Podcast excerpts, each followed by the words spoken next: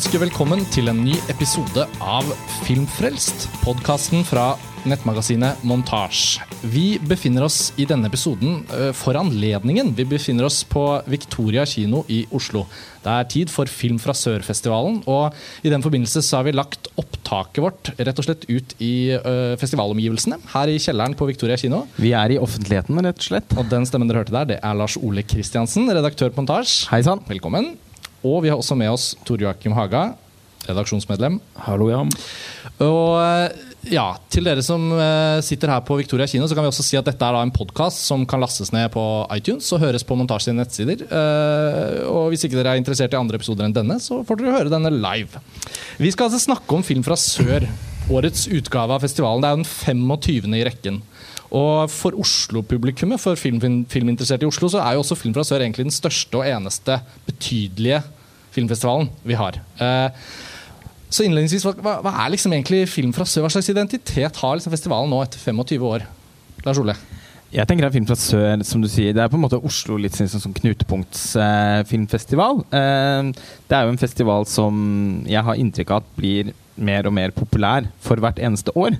Eh, og som eh, på en, på en veldig fin måte ser ut til å kunne altså sånn gradvis få etablert et, et, et image som, uh, som folk Som appellerer da, til ganske mange, virker det som. Det er jo ikke Altså Det vises jo ganske mye spesiell film under Film fra sør. Det pleier å være et ganske eklektisk program eh, med mange typer eh, film som jeg tror de aller fleste ellers ikke i det hele tatt ville vurdert å gå og se.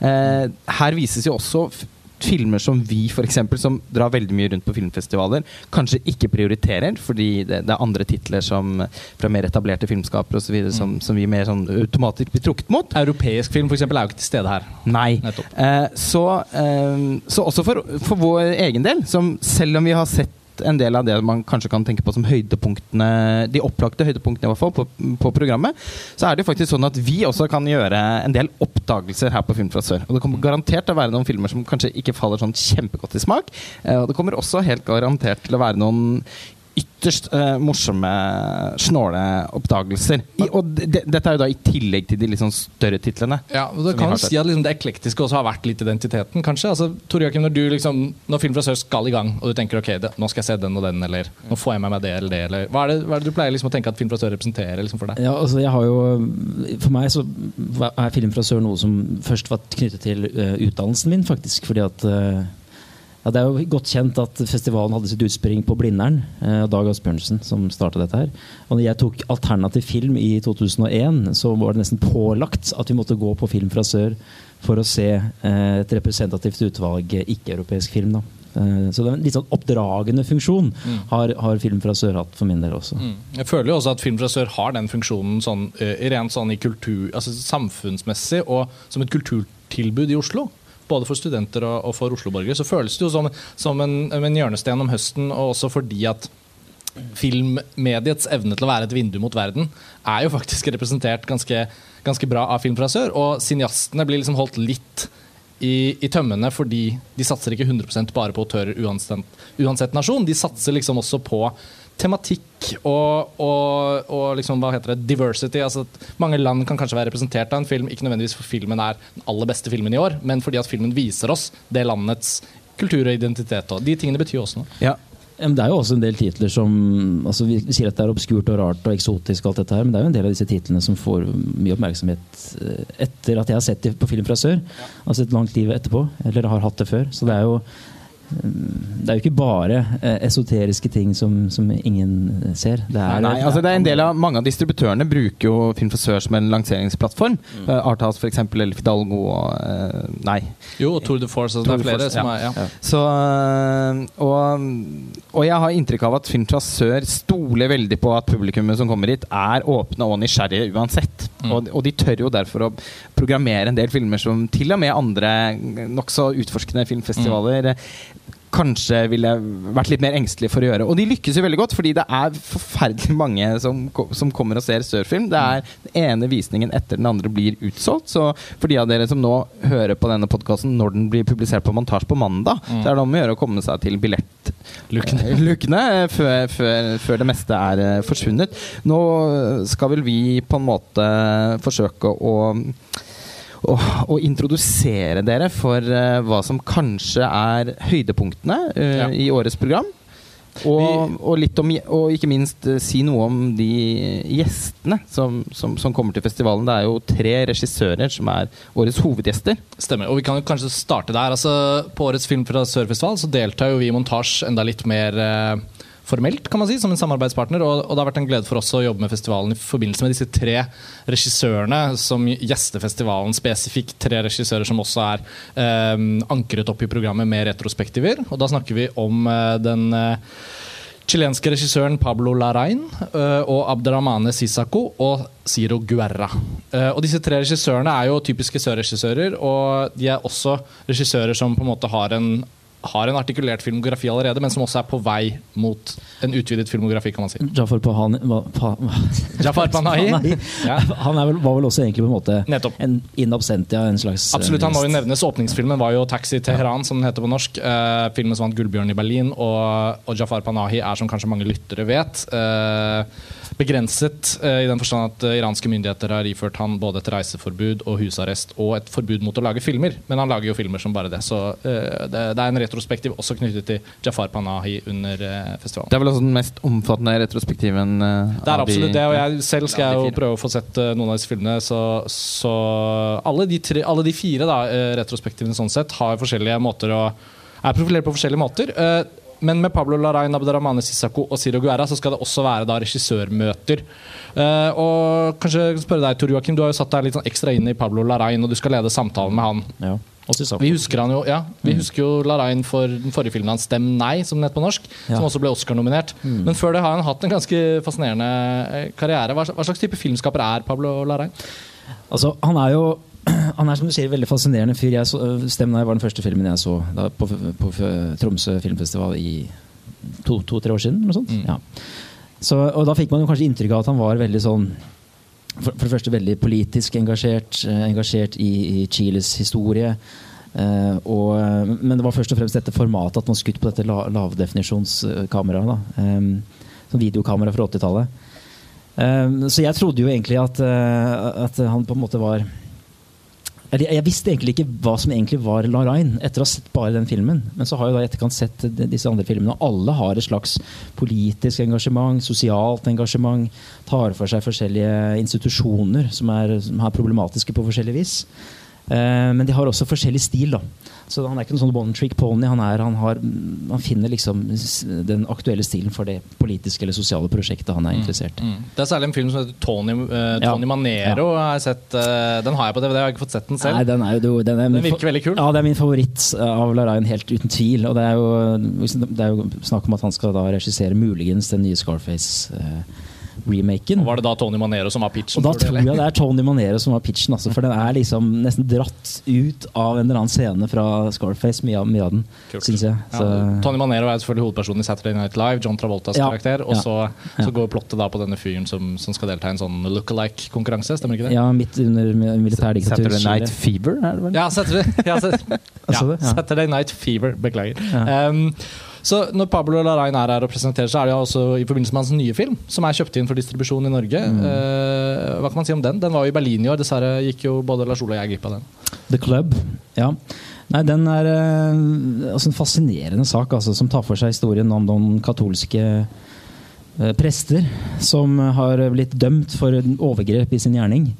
Og, og, så er de da studd sammen i et slags sånn tilfluktssted ute på landsbygda i Chile. et eller annet sted, er jo, Det er veldig, veldig snodig sak. Altså, for de, er, de, oppfører seg litt som småbarn, nærmest, enda de er voksne menn. og, og hele filmen ligger i en sånn mellomfase mellom natt og dag. og den, den, er veldig veldig fascinerende sak. Eh, å bli med på reisen til disse forkvaklede prestene. Det er, er fascinerende. Latin-Amerika er jo også en region, eller hva skal man si, nesten et kontinent, da, eh, hvor, det, hvor det har boblet frem veldig mye spennende filmer de siste par årene. Og jeg kan jo si om Ciro Guerra, som eh, jeg skal møte og ha en samtale med. Vi har jo også allerede intervjuer på montasje med disse regissørene for lesere og lyttere. Men han er da colombiansk, og Colombia er jo ikke et land som har på en måte hatt en veldig uttalt tilstedeværelse i den internasjonale film, på den internasjonale filmscenen overhodet. egentlig. Og, og i samtalen med Ciro Guerra så fant jeg også ut at der har det virkelig vært eh, dårlige tider. Landet har jo også slitt veldig med både nesten en borgerkrig med denne geriljaen, FARC-geriljaen osv. Så, videre, og så, videre. så så nå de siste tolv årene da, har det vært et nytt syst- støttesystem på plass i Colombia som har gjort at filmskapere i hans generasjon, Ciro Guerra, som er noen og 30, har kunnet blomstre opp og, og, og være mye mer eh, ja, til stede innenfor latinamerikansk film. Og hans nyeste film, Siro Guerra, eh, den heter 'Embrace of the Serpent'. Og i Cannes, eh, hvor vi var i år, så fikk både redaksjonskollega Sveinung Vålengen og jeg muligheten til å se den filmen, og jeg kjente virkelig at det var en oppdagelse. Det er en av de filmene jeg tenker kanskje at det er en av de varmeste anbefalingene på årets film fra sør.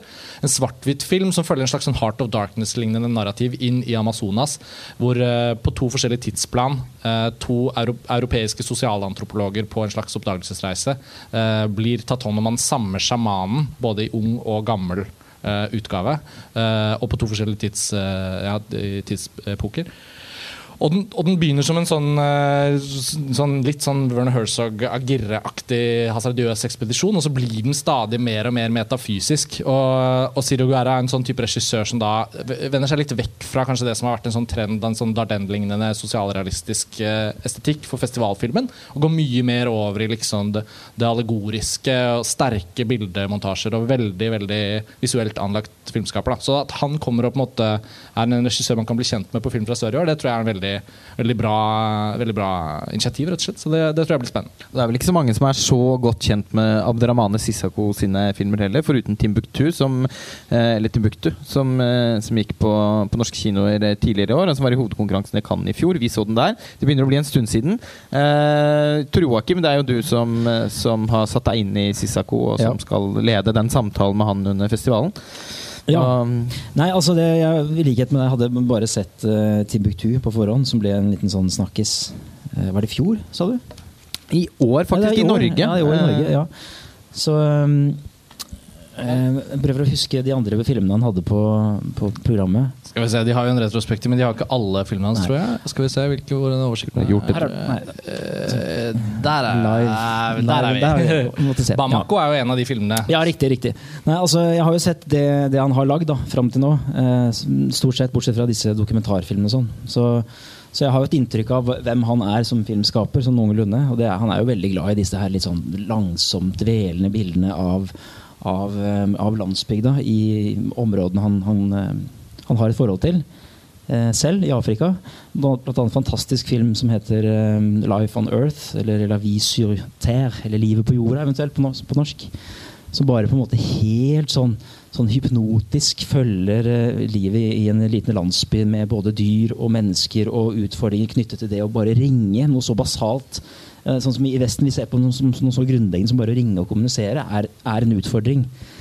Um, og de, de liksom blåser i at de er på, de er på, eh, på kanten av millenniumsfeiringen. sånn som en stor greie i Europa, ikke sant? mens her går livet bare videre. Det er, det er veldig vakkert. Uh, Mens Bamako er, er en helt annen type film, hvor det er mye mer politikk formulert gjennom lange, lange foredrag, nærmest. Eh, diskusjoner, rettslige prosesser. Så det er en helt annen type film. da. Og alle disse tre regissørene la jo festi festivalen byr jo rett og slett på en mulighet til å gjøre seg kjent med mer enn bare den nyeste filmen disse har laget. Så de, de er det jo jevnt over lett å anbefale. Man bør jo sette seg inn i sine autører. Eh, Selvfølgelig, og det- er en av våre leveregler. Ja, og det gjelder jo da altså Jafar Panahi, som, eh, som, vi, som, som, har, som har den mest omfattende retrospektiven. Eh, og her, det, det vises jo også filmen 'Den hvite ballongen', som ikke er å få tak i. Altså Man kan ikke få den på DVD, ikke på Blu-ray. Eh, det fins vel noen VHS-er man kan få kjøpt via eBay, Bay. Eh, men eh, det er jo da en, sånn, en, en, en utilgjengelig film Mm. som, som det helt klart er verdt å gripe anledningen til å få sett. Ikke minst da eh, på en god måte. Den eh, skal det sannsynligvis vises på 35 millimeter. Den skal det. Ehm, og så, foruten de, de filmskaperne som får et ekstra fokus, så er det jo en del andre autører også som, som, som bringer med seg verker eh, til, til Film fra sør, som, som ikke kommer selv, men eh, som er representert der gjennom filmene. Og det gjelder jo da ikke minst Ho Sha-shen Ja. og, og hans eh, The Assassin, som jo eh, de fleste av lytterne våre nok vet at det er en av våre absolutte favorittfilmer i år. Det var jo eh, en film som vi fikk anledning til å se to ganger i, under Mm. Cannes-festivalen i mai. Og eh, samtalen om den filmen har jo ikke stoppet, noen, ikke stoppet, rett og slett, eh, siden. Altså, øh, Vi har jo da publisert en artikkel på montasje for de som har lyst til å gå og sjekke ut den, som er fem festivalanbefalinger. Og vi hadde også noen anbefalinger i forhold til filmfestivalen i Bergen, som var i september. Biff, øh, og, det er umulig å ikke nevne The Assassin. Altså Her snakker vi om et, et, et rett og slett et storverk. En type sånn filmverk som, som ikke kommer øh, ved hver fullmåne, og som er, er i helt sin egen klasse. Så er den også krevende i den forstand at den er et verk med så sterk eh, autørsignatur og en så sterk visjon for å lage film på en veldig spesifikk måte, som gjør at man skal innstille seg og, og rette seg etter hva filmen har å by på, føler jeg, heller enn å bringe med seg sine egne rammer for hvordan en film skal være eller kan oppleves. Ja, altså Det er jo en film hvis historiefortelling er såpass eh, vag, Mm. eh, og til tider også såpass avansert. Altså, eh, det, det, er veldig, det er veldig mye som ligger ladet i, i, i den sparsommelige dialogen i filmen, men det å på en måte få hentet ut meningsinnholdet av, eh, under første gjennomsyn, det var i hvert fall for meg veldig krevende. Eh, men det, selv om historien kan være litt vanskelig å komme inn i, så er filmen på ingen som helst måte eh, mannevond. Eh, Nei. Tvert imot så er det Som en visuell usedvanlig suggererende film. Fordi den er så altså Visualiteten er så ufattelig sanselig. Eh, Ho Shashen er jo da berømt for, dy for dybdekomposisjonene sine. Og her er altså hvert eneste bilde i denne filmen er som en hel liten verden man kan dykke inn i. Er det noen sånn annen type Wusha-film som den kan sammenlignes med? Sånn Nei, jeg vil ikke Det si det, fordi ikke. Nei, fordi jeg tror den sjangeren har vært formet av helt andre måter å lage film på. jeg opplever ikke helt at det er en Wuxia-film. Det har vært mye snakk om det. Ho Shashen vender tilbake med sin første film på syv år. Det er visstnok en Wuxia-film. Eh, høres selvfølgelig også spennende ut, det, men eh, For de som lurer på det, Wuxia er jo da en kinesisk kampsportsjanger, på en måte, men det er jo ikke bare filmsjanger. Det er jo wushia-historier. jeg vil jo si at filmen eh, på ing, altså, i svært liten grad forholder seg til den sjangeren, men eh, den anvender mange motiver fra wushia-sjangeren som eh, passer veldig godt overens med, med Ho Shashens univers.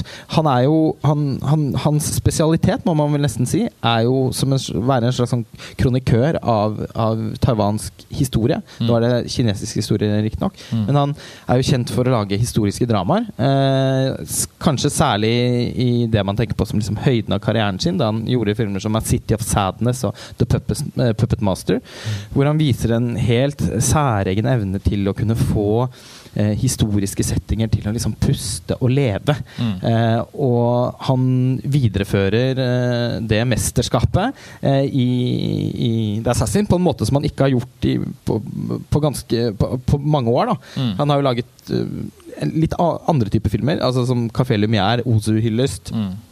Røde ballongens reise. Har liksom tatt en sånn Millennium Mambo, som nesten er en Wong Kar Ho uh, à la Wong Kar-wai. Mm. Han, han, han har eh, foretatt noen, eh, noen eh, avstikkere de siste eh, 10-15 årene. Mm. Men The Assassin er på mange måter en tilbakekomst til, til de filmene han i utgangspunktet ble aller mest berømt for. Men da med dette, disse Wuxia-motivene som et uh, fantastisk krydder. Fordi Wuxia er jo altså, det er jo, Kampsport er jo selvfølgelig uh, veldig visuelt. Mm. Uh, og, og bidrar bare til å gjøre filmen så, så, så spesiell som den er. Heldigvis får man jo si, så kom jo da The Assassin på kino. Slik det ser ut nå, så har distributøren lagt opp til en premiere på nyåret i 2016. Så, så Film fra sør blir jo sånn sett en glimrende anledning til å ta sin første smak da, på hun og på denne filmen for veldig mange. Og, og som vi vet, så er jo hun en regissør det er vel verdt å sette seg grundig inn i. Der finnes det et vell av mesterverker, egentlig. Eh, og det er, mye, det er mye å plukke fra hans filmografi. Dessverre er det notorisk utilgjengelige. Så, så The Assassin åpner jo faktisk egentlig en dør som, er, som ikke har vært åpen på årevis. Eh, den gjør det. Det er jo eh, Den eneste måten man kan få sett de tidligere, tidlige Ho-filmene på, er faktisk å oppsøke en sånn retrospektiv som er på turné eh, i, i, verden. Vi har vært og besøkt den retrospektiven, så det er på den måten vi har klart å få sett mange av de tidlige Ho-filmene. Eh, men man kan jo også håpe på at den på et tidspunkt kommer til Oslo. Det er jo ingen umulighet. Det er lov å krysse fingrene. Tor Joakim, ikke meningen å sette deg på sidelinjen her, men jeg vet jo at du gleder deg til å se The Assassin. Jeg skal se den i morgen. Ja, ja nettopp. Mm. Så eh, la oss bevege oss videre i, i, det som er anbefalinger. Jeg har jo ikke selv sett Hirokazu Koredas 'Søstre'. Og den er jeg veldig klar for å se under uh, Film fra Sørfestivalen. Men begge dere har sett den, vet jeg. Så fortell oss litt om den. Hva, hva er det som gjør den til en, uh, til en anbefaling, Tore Joakim? Eller er det ikke en anbefaling? La oss høre. Ja, nei, Da må jeg jo igjen liksom kontekstualisere det med meg selv og fortiden jeg har. Det hørtes veldig skummelt ut. Men, men nei, altså det har jo For at jeg skal liksom ikke si hva jeg mener om den filmen, så, så må du gå tilbake til igjen studenttiden, filmstudenttiden, hvor jeg så enormt mye Yasujiro Osu. Det var liksom alt fra han i starten til liksom, Store mesteren. Ja, ja. fram til Tokyo Story. Og så en eller annen grunn stoppa jeg med, med den. Men Um, men jeg føler jo at 'Søstre' er en slags hyllest til uh, Osu på veldig mange måter. Med, med, alle disse familiescenene, hvordan de spiser, hvordan de snakker sammen. Hvordan han, de bruker disse arkitekturen inne i huset som, som noe som kommuniserer noe. Uh, tittskapsestetikken. Og ja. kamera som er hele tiden plassert veldig eh, tett mot, ned mot gulvet. Ja. Eh, mange lange scener hvor de bare sitter eh, på gulvet og, og, spiser og snakker sammen. Mm. Eh, og, og, klipp fra, eh, fra replikk til replikk. Ja, jeg tror det til og med er en replikk der som er nesten, høres ut som den er tatt ut rett av en Ose-film, hvor de sier noe sånt som at ja, hvis du fortsetter sånn, så blir du aldri gift. Eller, men, det høres jo ekstremt ja, osuesk en, en, eller annen gammel tante som sier det til den, den kvinnelige hovedpersonen. Men gi, gi, oss kort, uh, gi oss kort plottet, da, Lars Ole. Altså, eh, denne filmen hadde jo premiere i Cannes. Ja. Koreda er jo en gammel kjenning. Han har hatt mange filmer på kino i Norge. Han. Ja, og mange filmer i hovedkonkurransen i Cannes. Jeg var ikke over skyene over den forrige filmen hans, som 'Far som sønn', som fikk bedre mottagelse enn en, en 'Søstre'. Imidlertid så syns jeg 'Søstre' er helt fantastisk. En av mine favorittfilmer så langt i år. Eh, det har nok litt å gjøre med nettopp den Ozu-hyllesten som, som Tor Joakim eh, snakker om. Jeg er jo veldig svak for, for Ozu sine filmer, og syns jo da Koreda klarer å, å hylle Ozu eh, på en veldig sånn uanstrengt måte. Eh, I motsetning faktisk til Ho Charchen i Café Lumière, da, som jeg kanskje ikke syns lykkes. Det er faktisk den filmen eh, eh av de Ho-filmene jeg har sett, som jeg i minst grad syns han lykkes på en måte med prosjektet han har. Jeg syns den var god, men ja. eh, la oss ikke snakke for mye om Ho. Nei, eh, men eh, men altså, du spurte hva søstre handler om. Vi, blir, vi møter tre søstre fra Koda-familien. Koda-søstrene, heter det vel. Eh, som, hvis far da forlot familien for eh, er vel om lag 15 år siden. Og, og, og fant seg en, en pga. grunn av en elskerinne. Og så får de da beskjed om at faren deres er død, og møter opp i begravelsen. Og da finner de ut av at de har en halvsøster som er 15 eh, år gammel. Og hun har da blitt foreldreløs. Uh, og de inviterer henne til å, til å, flytte inn i deres søsterkollektiv. Det er veldig koselig, da. Høres veldig rørende ut. Ja, den er enormt rørende. Uh, jeg så denne filmen uh, Ja, det må man jo kunne si. Litt sånn fyllesyk i, i, i Cannes. Og det, altså, det tok bare Det skadet ikke opplevelsen? Nei, det tok bare minutter før jeg kjente at liksom, det kom noe sånn bløtt i øynene. Hun har jo et veldig, altså, det Ansiktet hennes er jo så det er veldig vakkert og veldig ekspressivt. Altså, den yngste søstera. Ja. Ja, og alle søstrene, syns jeg. Altså, sånn, de har så utrolig fine personligheter. Eh, de er nydelig skrevet, og det er så godt å se en film. Eh, For filmen kan nok oppleves som nokså uspektakulær. Det handler litt om filmens lynne. Den, er veldig stille, den går veldig stille i dørene, for å si det sånn. Bokstavelig talt. Ja, bokstavelig talt. Uh, og det er noe med altså, Nesten sånn hviskende japansken eh, rundt eh, nu, uh, Altså rundt, rundt bollene med nudler.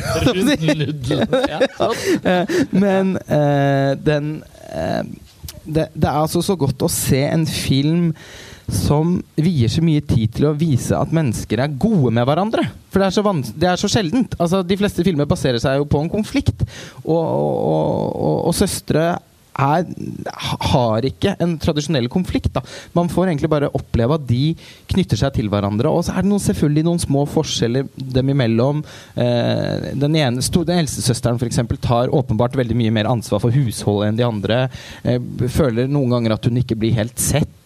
Eh, hun ofrer kanskje et, eh, et privatliv for å ta vare på søstrene sine, mens eh, den mellomste søsteren er ute og dater og drikker. Og, altså sånn, eh, og de har ganske ulike personligheter eh, på, på en måte som Men uten at han skal gjøre noe poeng i at de i for stor grad skal kollidere med hverandre. Man, man opplever hele tiden at de, de, er, de, de er forferdelig glad i hverandre, og de anerkjenner hverandres forskjeller, men noen ganger likevel så kan det være i hvert fall litt vanskelig og, og, og, og litt sårt. Men det, det er sånn Det er bare eh, På samme måte som Yasuhiro Osu, da, som er veldig berømt for å hele tiden holde tilbake følelsene. Så mye som veldig i tråd med japansk skikk. da eh, Fram til de sånn til slutt bare liksom pipler fram via et, en liten rykning i ansiktet eller en, en, et, et, et skinn i det ene øyet. Og så ka- kan det si mer enn 1000 hulk i et, eh, et melodrama. Tor Joakim, du, du, du, du dro en parallell til du hadde en Ozu-periode der. Eh, hvordan slo det ut i forhold til søstre? Altså, Nei, det, det er jo det. Altså, det, det Ja. eh, Jeg er jo ikke så begeistra for Ozu i dag som jeg var. Jeg må være ærlig på det, altså. Ja. Eh, det kan bli litt, litt tregt. Eh, jeg, jeg har um, Tempoet ditt har gått opp. ja, ja, en eller annen grunn så har det skjedd noe der. Så, så, så, men, men jeg syns jo ikke den her er um, Det er jo ikke bare ren Osu. Her er masse andre Nei da, ting. ikke det er Altså, det ikke. Det er Det er jo også en Koreda-film. det er Koreda-film. Altså, det er ikke så mye mu her, eksempel, sånn som det er i Osu. Altså disse tomme pute-pillow shots, som det heter så flott. Den her, her er det alltid litt mer liv, alltid litt mer Ja, det er en mer elastisitet i filmspråket. Altså, Ja. Osu perfeksjonerte jo en, et, et formspråk som han nærmest vannet som om det var en potteplante eh, resten av karrieren. Det er morsomt at du stoppet på Tokyo Story. Eh, de fleste er jo enige om at det er jo de senere starter Story, ja, eh, fordi jeg syns han laget mange av sine aller beste filmer mot slutten av karrieren. Ja. Eh, og de, morsomt nok, da, de er jo nesten remaker av remakes. Altså han, På et eller annet tidspunkt så begynner han å lage den samme filmen igjen og igjen og igjen. Eh, Men gjør Koreda det samme, da? Altså, Nei, det vil jeg ikke si. Men denne filmen som minner mest om av de tidligere Koreda-filmene jeg har sett, det er den som heter Still Walking. Som vel også er den uh, Koreda-filmen som kanskje har fått, fått mest oppmerksomhet, og som, som også ble distribuert Som ble distribuert av Arthouse. Denne er da distribuert av Another World Entertainment. Ja, topp den. Eh, For å oppsummere det, da. 'Søstre' kommer jo på kino, eh, norske kinoer, eh, og avises på Filmfrisør, som sagt. Eh, en film som ikke tilsynelatende kommer på norske kinoer, det er Jia Jankes nye film.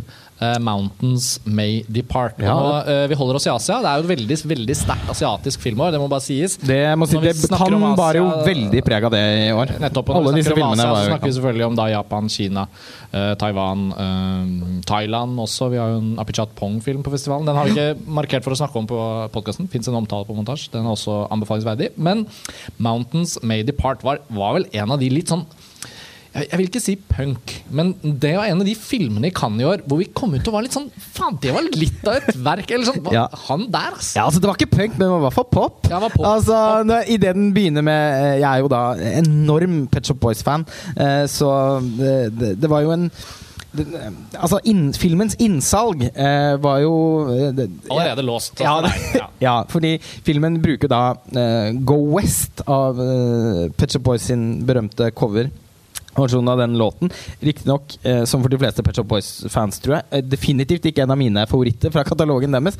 Men morsomt å se den superkitschy eh, låten bli brukt i, eh, i film på den måten. Eh, fordi, I Kina. Ja, for det er jo en vanvittig plump symbolikk, ikke sant? Fordi filmen handler jo, som de fleste filmene til Jia Janke, om eh, liksom brytningene mellom, i, i, i det moderne Kina mellom eh, det, det, gamle Kina, altså kommunistiske verdiene, og Vestens inntog i, og, Mm. og, og eventuelt potensielle nedbrytning av, av, av, tanken om hva, hva Kina har vært for noe. Og man kan også si om tittelen, altså Filmen heter 'Mountains Made Apart'. Vi er jo ikke ukjente med den store kinesiske mur bygd på en fjell eller rekke av fjell. På, man kan si at liksom det, er, det, er veldig, det er veldig mye ikke-usynlig symbolikk i denne filmen. Den er, og det er litt, volds- den er litt veldig flott. Ja, ja, synlig. Jeg synes det hørtes kulere ut å si ikke-usynlig. ja, det er enig i. den forstand symbolikk underforstått kan ofte være usynlig. da Jeg, jeg vil si at jeg syns at uh, filmens tydelighet blir en dyd, syns jeg. Fordi man opplever også å se ganske mange politiske filmer som skal ha politisk brodd, og som uh, hvis eh, viktigst poeng faktisk er å, å, å formidle en, en, en, en type samfunnskritikk, eller stille noen spørsmål ved et samfunn, så syns jeg jo veldig mange filmskapere som gjør det, ofte gjør det på en så innfløkt måte at man i hvert fall eh, som en tilskuer som da ikke selv kommer fra det samfunnet som filmen diskuterer, kan føle seg litt utelatt fra, fra samtalen, rett og slett. Her syns jeg jo Gia lykkes helt eh, formidabelt med 'Mountains Made Apart'. Nettopp at han, og, han har åpenbart et selvbevisst, nokså selvironisk eh, forhold til det overtydelige og det liksom plumpe med filmen. Og jeg syns det funker veldig godt, også fordi at han gjennom eh, sin, sin karikatur og, og gjennom sin nokså sånn eklektiske, sprelske visualitet Filmen er fortalt i tre eh, kapitler, i likhet med hans forrige film, A Touch of Zen. Eh, og hver, hvert kapittel har på en måte litt sin distinkte tone og estetikk. Den ene foregår jo da ved årtusenskiftet. Det første kapitlet. Andre kapittelet foregår i vår tid. Eh, og det siste kapitlet er jo da en slags science fiction satt i 2025. Det er jo det mest debatterte elementet av filmen. Jeg tror ikke, Å gi en sånn øh, opplagt sånn hva handler den om plott-oppsummering, er ikke en umiddelbart så lett øvelse. Men man kan vel si at det er en, en, en kjærlighetshistorie. En, en kvinne som er hovedpersonen, som har to så Det er to menn som er forelsket i henne øh, i 1999. da. Yep. Og, og den ene tar den øh, kapitalistiske ruten, og den andre tar den mer mer jordnært arbeiderklasseruten. Og så er det jo hennes reise eh, som sådan. Ja, Eh, men og De det er representerer da veldig tydelig liksom hver sin Nettopp. ideologi, og hun rives mellom de to. Nettopp. Eh, akkurat som Kina rives mellom ja. Og det er den tydeligheten igjen, men, men det fungerer. Og, og jeg vet ikke helt hva bøssen på Mountains Made Apart er, men det føles kanskje som en film som ikke er øverst på listene til folk når de skal plukke filmer. Nei, det, altså, den fikk jo ikke Nei, ja. Nei, altså, Jeg har ikke noe forhold til, til den hele tatt. Eller regissøren, så jeg, men, Men- men jeg skal se den. Jeg vil sparke inn en liten sånn ekstraanbefaling der, bare for, å, bare for å gi seg selv noe litt sånn, noe litt sånn den, den rister litt, liksom. Den har et eller annet sånt Og den er Har ikke sluppet taket, for eksempel. Nei, og den er veldig underholdende. øh, og den øh, Ja. Og, og den skal jo da heller sannsynligvis ikke på norsk kino. Så her er det faktisk en film man burde gripe anledningen til å få sett. Det er en av de mer interessante filmene i år. Den fikk eh, Man må vel nesten si at mottagelsen i Cannes var litt blandet, men øh, Det var jo overveiende som var, eh, var det Ja. mange opplevde som Og- og det- vanskeligst og det å godt- men samtidig ja, Men det kan man godt være litt forberedt på. At den siste delen av filmen er mindre god enn de to første. Eh, Den er også mer litt sånn ute. ja, høres som Markovskijs eh, den derre Oi! Hva heter den? Cloud, Cloud Atlas? Cloud ja, Cloud Atlas. Atlas. Sånn som dere beskriver. ja, den er mye bedre enn Cloud Atlas. Ja, det, Nei, men, ja, det men, men den siste delen Jo, men altså, Karsten er jo inne på noe. Den er jo så overveldende corny, eh, den science fiction-visjonen.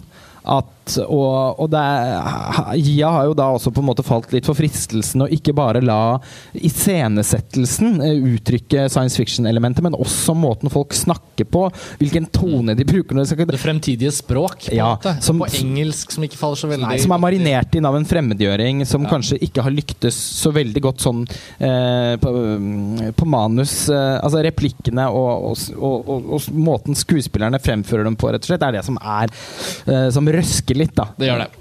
Men, men, men, verdt å se, og også for våre lyttere som ikke har mulighet til å dra på film fra Støvfestivalen, så er jo dette forhåpentligvis også en, en perlerad av, av, anbefalinger, og i hvert fall uh, Mountains Medipart har jo ikke vi snakket om på montasje tidligere.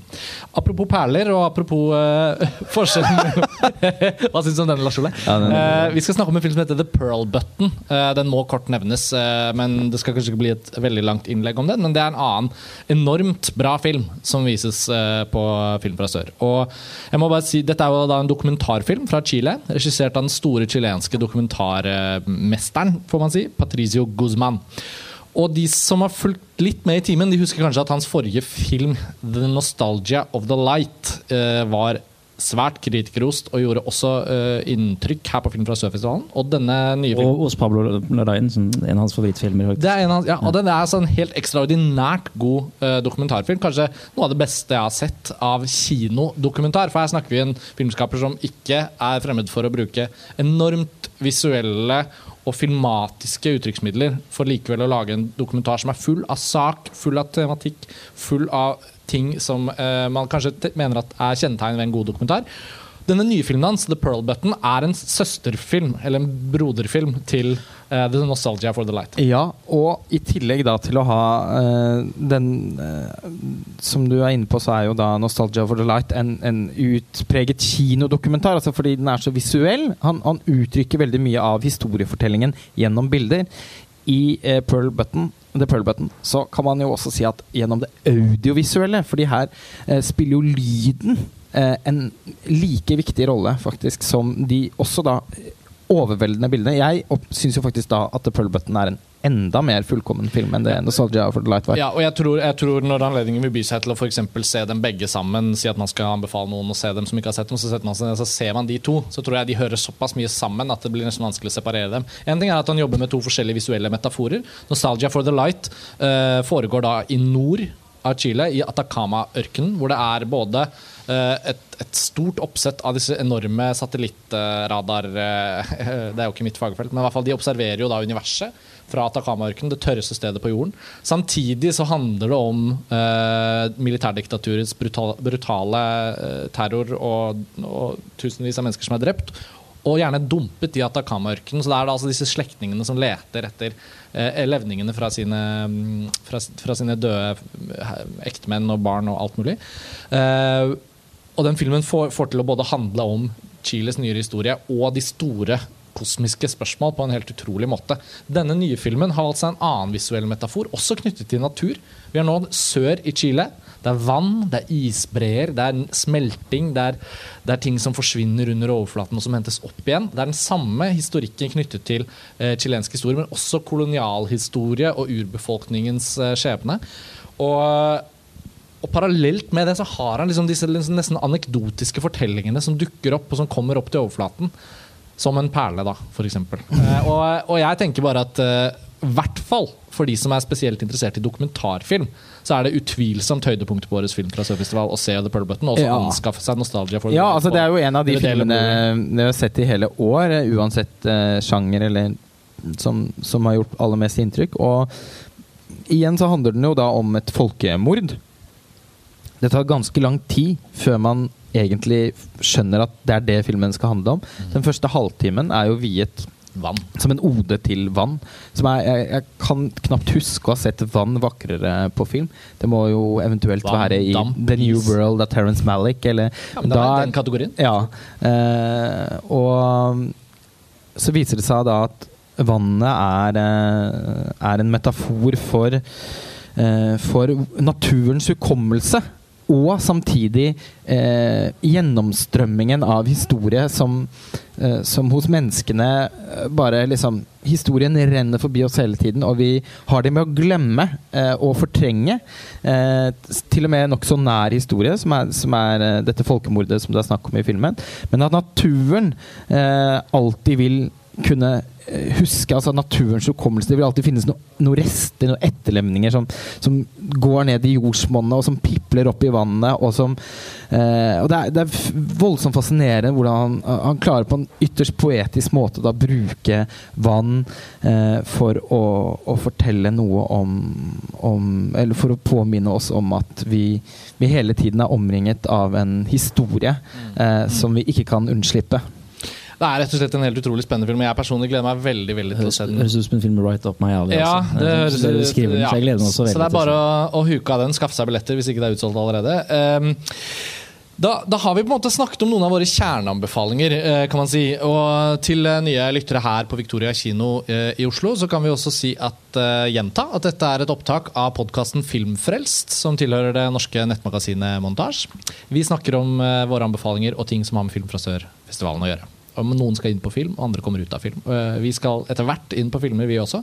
Eh, men det må sies at Film fra Sør-festivalens program har jo også noen sånne obskuriteter og, og, og bakgater. Og, og, man ser i katalogen at det er gjort programmeringsvalg som, ja, som hever øyenbrynene. Ikke nødvendigvis negativt, men sånn Oi! Den, den ja. filmen? Eller hva er dette? Eller oi! Her skal det vises plutselig en retrospektiv Eller ikke retrospektiv, men på sideseksjonen Mangapolis eller Mangakon eller hva det heter, så vises faktisk Miyazakis mesterverk 'Prinsesse Mononoke' på, på 35 mm. På 35 mm, Som er en sånn hendelse som burde liksom stoppe pressen. Alle må inn. Det er jo en av de helt Ja, Den var jo på, på selvfølgelig på listen vår over 90-tallet. Den er helt sikkert utsolgt, så vi får vel ikke billetter til den Men så hvorfor har ikke det blitt mer promotert, kan man spørre seg. Og så er det jo også andre ting som Ja, La oss snakke litt om det. Hva er de mest obskure tingene ved årets film fra Sørfestivalen? Ja, for det, for det må jo sies, det, det hører jo litt til festivalens identitet òg, at det alltid er en, en, en, en, del merkelige filmer som er programmert her. Uh, og, og det er, kanskje selvfølgelig være morsomt å oppdage dem uh, bare fordi det er, det er forfriskende å se noe man ellers ikke ville sett på nær kino. Men det er jo selvfølgelig også alltid noen filmer som i hvert fall som, som du sier, man hever øyenbrynene litt over. Ja, verden har de valgt å ta med den? Og den største sånn What? what the fuck for meg uh, i årets program, det var nok den uh, Necktie Youth som ja, vi så i Berlin. Nettopp. Det er en sørafrikansk debutfilm som vises på Film fra Sørfestivalen. Uh, vi så den i Berlin, og da var det jo genuin festivalnysgjerrighet. En ny film fra en ny regissør fra Sør-Afrika. Det høres Dette må vi undersøke. Skutt i, i sort-hvitt eh, sort på video. Og, og, og tilsynelatende ganske leken med form og innhold. Eh, vi oppsøkte filmen, og det var vel det var vel noe av det dårligste vi så uh, i Berlin. Det ja. må kunne sies. Ja, altså, jeg tror det er den dårligste filmen jeg har sett i hele år. Ja, faktisk. Ja. Det er litt uh, leit å erkjenne det, og det er synd for en debutantregissør. Uh, men nå er vi jo på den andre siden av kloden, så det må jo være lov å bare si at, at det var ikke spesielt lovende. Nei, det vil jeg ikke. Det, det, jeg, vi har regissøren her i kveld. Jeg, jeg, jeg, ble, ikke tør, jeg ble ikke tørst på å, å, å, å, følge det kunstnerskapet videre, men det skal jo sies man, man har sett fantastiske filmskapere også laget begredelige debutfilmer. Men noen Xavier Dolan eh, var han bestemt eh, ikke. Morsomt likevel kan man jo si at uh, det, den, den, er også i en kategori, i en kategori for, for, filmopplevelser som, som Det var jo også litt gøy å se den. Ja, ja. Det var morsomt å, å, å spøke med filmens uh, svakheter etterpå. Det var gøy å sitte og veksle blikk underveis og bare Hva i all verden? For filmen er jo også litt ute. Ja, altså, så det, den er jo ikke så umorsom å se. Nei, det, sånn sett ikke nødvendigvis en frabefaling. Den er meget, meget meget høy på pretensjoner. Altså, den Filmen heter 'Necktie Youth', skutt i svart-hvitt. Er noe så sjelden som en film fra, fra på en måte en øvre middelklasse i Sør-Afrika, og deres liksom henslengte liv med, med eksistensielle spørsmål. Dette er jo en hårete sammenligning, men det føles litt som en slags sånn reprise i Sør-Afrika, 'Gone Horribly Wrong'. Skjønner du hva jeg mener? Altså, det er noe med at De har forskjellige ambisjoner, de går fra fest til fest. Det, det, det, det brukes narkotika, det tenkes og føles som eksistensielle spørsmål. Men, men, her har vi på en måte en filmskaper som rett og slett bare ikke kan noe med det. Og, og jeg tror nok Joakim eh, Trier ville ha fryst i is over denne sammenligningen. Jo, men sammenligningen handler jo ikke om kvalitet. Den handler jo selvfølgelig om hva, hva, noen prøver på. Uh, og, og, det er dessverre en film som prøver nesten på alt og får til ingenting. Så, så den, men den er valgt ut til årets film fra Sørfestivalen, og det kan jo være kategorien en representant fra Sør-Afrika har man lyst til å se noe som, som, på en måte også er så ute, og så mislykket at det blir litt morsomt, så er den filmen også en slags anbefaling. Når jeg sier at det kanskje er den verste filmen jeg har sett i år, så er jo det i seg selv eh, eh, Attraktivt. Eh. Ja, på en måte. Altså, det er jo morsommere med de aller dårligste filmene enn de ja. som bare er sånn vassent ligger og vugger på midten. Tor Joakim, er det noen uh snåle hjørner av årets Film fra Sør-program som du har lyst til å trekke fram? Snåle hjørner vet jeg ikke. Nå har ikke jeg sett så mye av, av de, disse filmene, men jeg har jo en film som heter um, Black Hole Tin Ice. Er, den er jo ikke så snål og obskur. Den har vel fått en del Ikke så snål og obskur. Jeg har sett den, jeg. Ja. Og den vant jo Gullbjørn i Gull, Berlin. Gullbjørnen, den syns jeg også er en, er en strålende film. Som Ja, er det er er sånn, virkelig en anbefalingsverdig. stilistisk uh, thriller med hvor de bruker natur, altså lyssetting, far, altså den gulaktige farger. Den har så mye sånn Og en skikkelig sånn- thriller. Altså, det er en sjangerfilm. eh, Litt sånn lynsj. Ja. Ja, Mm. absolutt. Den er også anbefalingsverdig. Rare med den er jo på en måte at den er på etterskudd. Altså at Den er ett og et halvt år etter festivalpremiere og Ja, Gullbjørn. som- den er jo tilgjengelig Den er tilgjengelig i iTunes Store i Norge. Kan leies og kjøpes, og så er den her på Film fra Sør. Ikke sant? Så det, Jeg skal i hvert fall benytte anledningen til å få meg den her, for jeg gikk glipp av den i Berlin, og fikk heller ikke sett den på TIFF, hvor den ble vist tidligere i år. Så nå tenker jeg nå må jeg få sett Black Hole Teen Ice. Ja. vi, vi har jo også ikke kommet inn på en annen film som uh, for så vidt ikke er obskur. Men eh, Film fra Sør har jo også Oslo-premieren på årets Gullpalmevinner. Uh, den franske filmen 'Deepan'. Som inn i, i 10-15 minutter, eller 10, eller kanskje bare 5 minutter, foregår på Sri Lanka. Men i all hovedsak så er jo det en fransk film eh, med en srilankisk connection. Eh, og er, jeg protesterer aldri jeg, når Film fra Sør programmerer, men noen ganger så har Film fra Sør tatt veldig sånne eh, valg De har utelatt regissører de har et forhold til bare fordi filmen foregår i Europa, f.eks. Jeg husker jo notorisk at eh, Abbas Kiarostamis Certified Copy av en eller annen besynderlig grunn ikke ble valgt ut på Film fra Sør-festivalen det året. På tross av at Kiarostami er jo en uttalt venn av festivalen, besøkte Film fra Sør og Oslo i 2006, og så av en eller annen grunn så skulle ikke et av hans fremste verker fra, fra nyere delen av filmografien hans ikke vises her. Og da foregår den i Italia med Juliette Binoche, og da på en eller annen måte var den diskvalifisert. Men Deepan av Jacques Audiard, eh, den er med. Og den foregår også i Frankrike.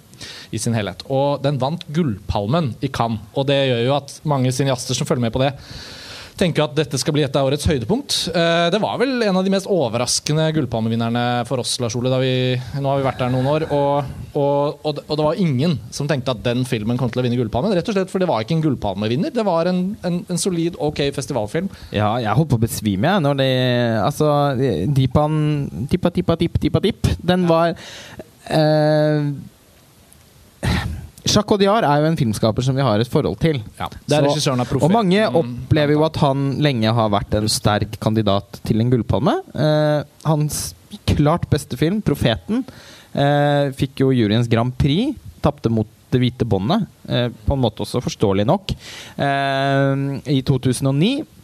Og så kom han tilbake i 2012 med 'Rust and Bone'. Som veldig mange satt stor pris på. Jeg hadde voldsomme problemer med den filmen. Eh, så men, ja, men forventningene til Deepan var likevel nokså liksom, altså, Jeg syns jo Jacques Audiard Det er noe med hans eh, måten han bruker kamera på, og, og en, han, han kan oppnå en, en veldig nærhet da, til de rollefigurene som han, som han skildrer, bare liksom gjennom formspråket sitt. sånn så jeg, Og han er god, ikke minst er han på sitt beste i hvert fall en veldig veldig god historieforteller. Sånne skjebnehistorier òg. Det er veldig sånn krutt i filmene til Jacques Audiard, om Ja. man liker dem eller ikke. Så Og når man du leser- ikke på intensiteten når de der spekkhoggerne spenner eh, Nei, er, og de scenene i Rest of Bone er, jo fan- er jo fantastiske. Eh, Men det blir Eh, liksom også overdramatisert senere i det manuset. Så føler jeg liksom at hele filmen kollapser, for det er ikke måte på hvor dramatisk han skal gjøre det. Deepan er egentlig litt også Den har liksom Dessverre litt, litt, det samme eh, problemet. At de frem til problemene, halvveis så er det noe med at fortellingen er veldig meddrivende. Og man, man, det er jo en flyktninghistorie, så, så kan, kan det hende at eh, den tematiske beslektningen med ting som er oppe i nyhetsbildet veldig i dag, kan ha spilt en rolle for, for at filmen føles veldig aktuell. Men, men filmen tar også en vending i andre halvdel som gjør den mer til en Ja, den blir liksom litt generisert av en sånn sjangervridning. Som også ikke føles nø- naturlig der historien står og går. Jeg, jeg, jeg, den, den blir litt middelmådig, og jeg syns likevel det er en god film. Problemet er at når den har fått Gullpalmen, så vil den alltid vurderes etter den standarden, og det er jo, det er jo en standard som har, eh, har holdt et veldig høyt og jevnt nivå. Det er faktisk sånn at veldig mange Gullpalmevinnere også er, er enormt gode filmer, klassikere. Ja. Tor Joakim? Ja, nei, altså, jeg, jeg, jeg er enig med mye som blir sagt her. Jeg, jeg syns jo at eh, man kan lage filmer som utspiller seg i arbeiderklassemiljø, på en veldig vakker måte. Eh, det har jeg alltid syntes. Jeg vet at der Lars Ole er ikke helt enig. Han liker ikke så godt sånne britiske arbeiderklassefilmer. Nei, jeg, det betyr ikke at jeg ikke liker Jeg er jo glad i Dardem-brødrene. og Ja, sånn, men altså, jeg synes sånn Ken Loach altså det, det, det kan være Nei, jeg er ikke så glad i britisk realisme. Nei, Men det er spesifikt den britiske. sånn. Jeg syns det kan være mye mye flott der, og det syns jeg også det er i denne filmen. Deepan, eh, I skildringen av dette her forstadsmiljøet i, i Paris som er så ja, det er så kriminalisert og nedslitt og, og mm, ubehagelig at det er på en måte vakkert, hvis du skjønner hva jeg mener. Det høres rart ut, men, men eh, Odiar syns jeg gjør det på en veldig fin måte i hele filmens midtakt. Og så er jeg enig i at den da etter hvert gjør noen grep som For det er jo et paradoks. Jeg føler det er når manusene til Odiar skal ta disse litt sånn nesten sånn forventede dramatiske altså sånn, Det er som om liksom, liksom Og nå må det skje noe veldig dramatisk, dere, fordi vi lager en film. Og derfor må vi på en måte skru det til, for det er det publikum skal ha.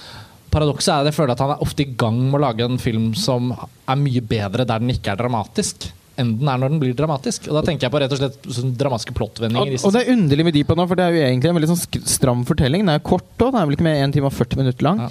Eh, og, og det er Men er dere ikke enig i at den relasjonen altså når, når han eh, hovedpersonen og hans eh, For det handler jo da om en, eh, en mann som flykter fra Sri Lanka, og i flyktningleiren i det øyeblikket hvor de flykter, så, så dannes det et, et fiksjonsekteskap med en kvinne som også skal flykte, og et barn.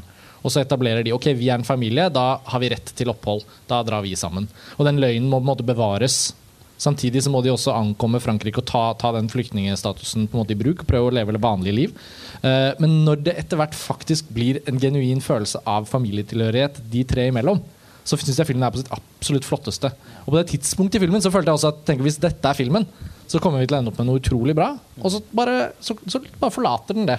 Og det er veldig leit. Den renner litt sånn som sand mellom hendene Ja. etter hvert. Og, og det er jo, som du var inne på i stad, nivået på gullpalmene eh, de siste ti årene har også vært så høyt at eh, den har jo på en måte umiddelbart fått status som en av de svakeste gullpalmevinnerne noensinne. Og det må jeg jo da dessverre si meg helt enig i. Når det er sagt, så betyr det ikke at filmen ikke er verdt å se.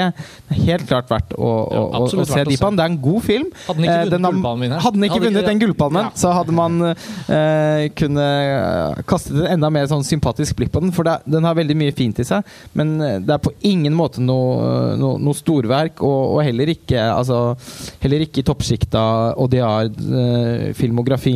Men eh, den vises under Film fra sør. Den skal jo da også på, opp på, på vanlig kino ganske snart. Så det ville vel kanskje ikke vært en film jeg ville Nå vet jeg jo at altså, er, Film fra sør-programmet i år er såpass sterkt. Det er så mange spennende filmer som vises, så det er nok ikke en film jeg ville prioritert her, i hvert fall. Hvor man eh, f.eks. kan gripe anledningen til å se 'Mountains Made Apart' eller 'The Pearl Button', og filmer som man ellers kanskje rett og slett ikke får anledning til å se. Nettopp. Eh, Det var eh, punktene på, på vår forberedte liste over ting vi skal snakke om. Eh, Vi, vi eh, er altså på starten av Film fra Sør-festivalen, eh, og Og, og, og vi har nettopp fått en lapp eh, fra en, fra en eh, søring, holdt jeg på å si. Fra en, eh, fra en som jobber med festivalen. Som, som kommer da inn med et stalltips eh, fra, fra programmet. Det, det var nettopp en, en, en publikummer som kom ut av en visning av filmen One, Two, Three fra Armenia og sa at den var helt fantastisk. Så da deler vi det med våre lyttere. det deler vi. Og det er jo ikke, det er jo ikke fremmed at Kaukasus-film er god. Vi husker jo også filmen Corn Island fra fjorårets Film fra Sør-festival, som fikk eh, andreplass. Ja, bak eh, det var Vivianes kamp, den israelske filmen, som vant hovedprisen her på Film fra Sør. Men den georgiske filmen Corn Island, eh, som er et helt utrolig flott eh, filmverk Den har vi faktisk en egen podkast Den har vi en egen podcast om. og den, eh, Jeg minner spesielt at regissøren av Corn Island delte den podkasten til sine georgiske følgere på Twitter. Så tenkte jeg hvilken glede blir det? Men ok, flott. Eh, Den er eh, selvfølgelig en norskspråklig podkastepisode, som alle våre episoder nesten er. Men en anbefaling av en armensk film inn fra venstre, det setter vi veldig stor pris på. Vi føyer den inn nå på halen av denne episoden. Vi er i mål med det vi skal snakke om. Eh, Vi skal ut i Oslo-høsten og se film og snakke om film. Eh, Takk Takk til alle Takk dere til som har eh, dere her på opp. Victoria kino. Eh, Takk til våre lyttere som hører på. Vi har alltid setter stor pris på at dere hører gjennom episoden og kommer til dette punktet hvor vi sier disse tingene. Send oss gjerne forslag og innspill hvis dere har noe. Eh, Tor Joakim, Lars Ole, eh, det, var, eh, ja, det var trivelig å gjøre dette ute i offentligheten. Eh, la oss, eh, vi er snart tilbake med en ny episode av Filmfrelst, så vi gjør ikke så mye mer ut av dette. Takk. Nei, det kommer mer sørstoff. eh, Det gjør det. Følg med på montasje. Eh, og ja, ha det bra. Ha det bra. Ha det bra.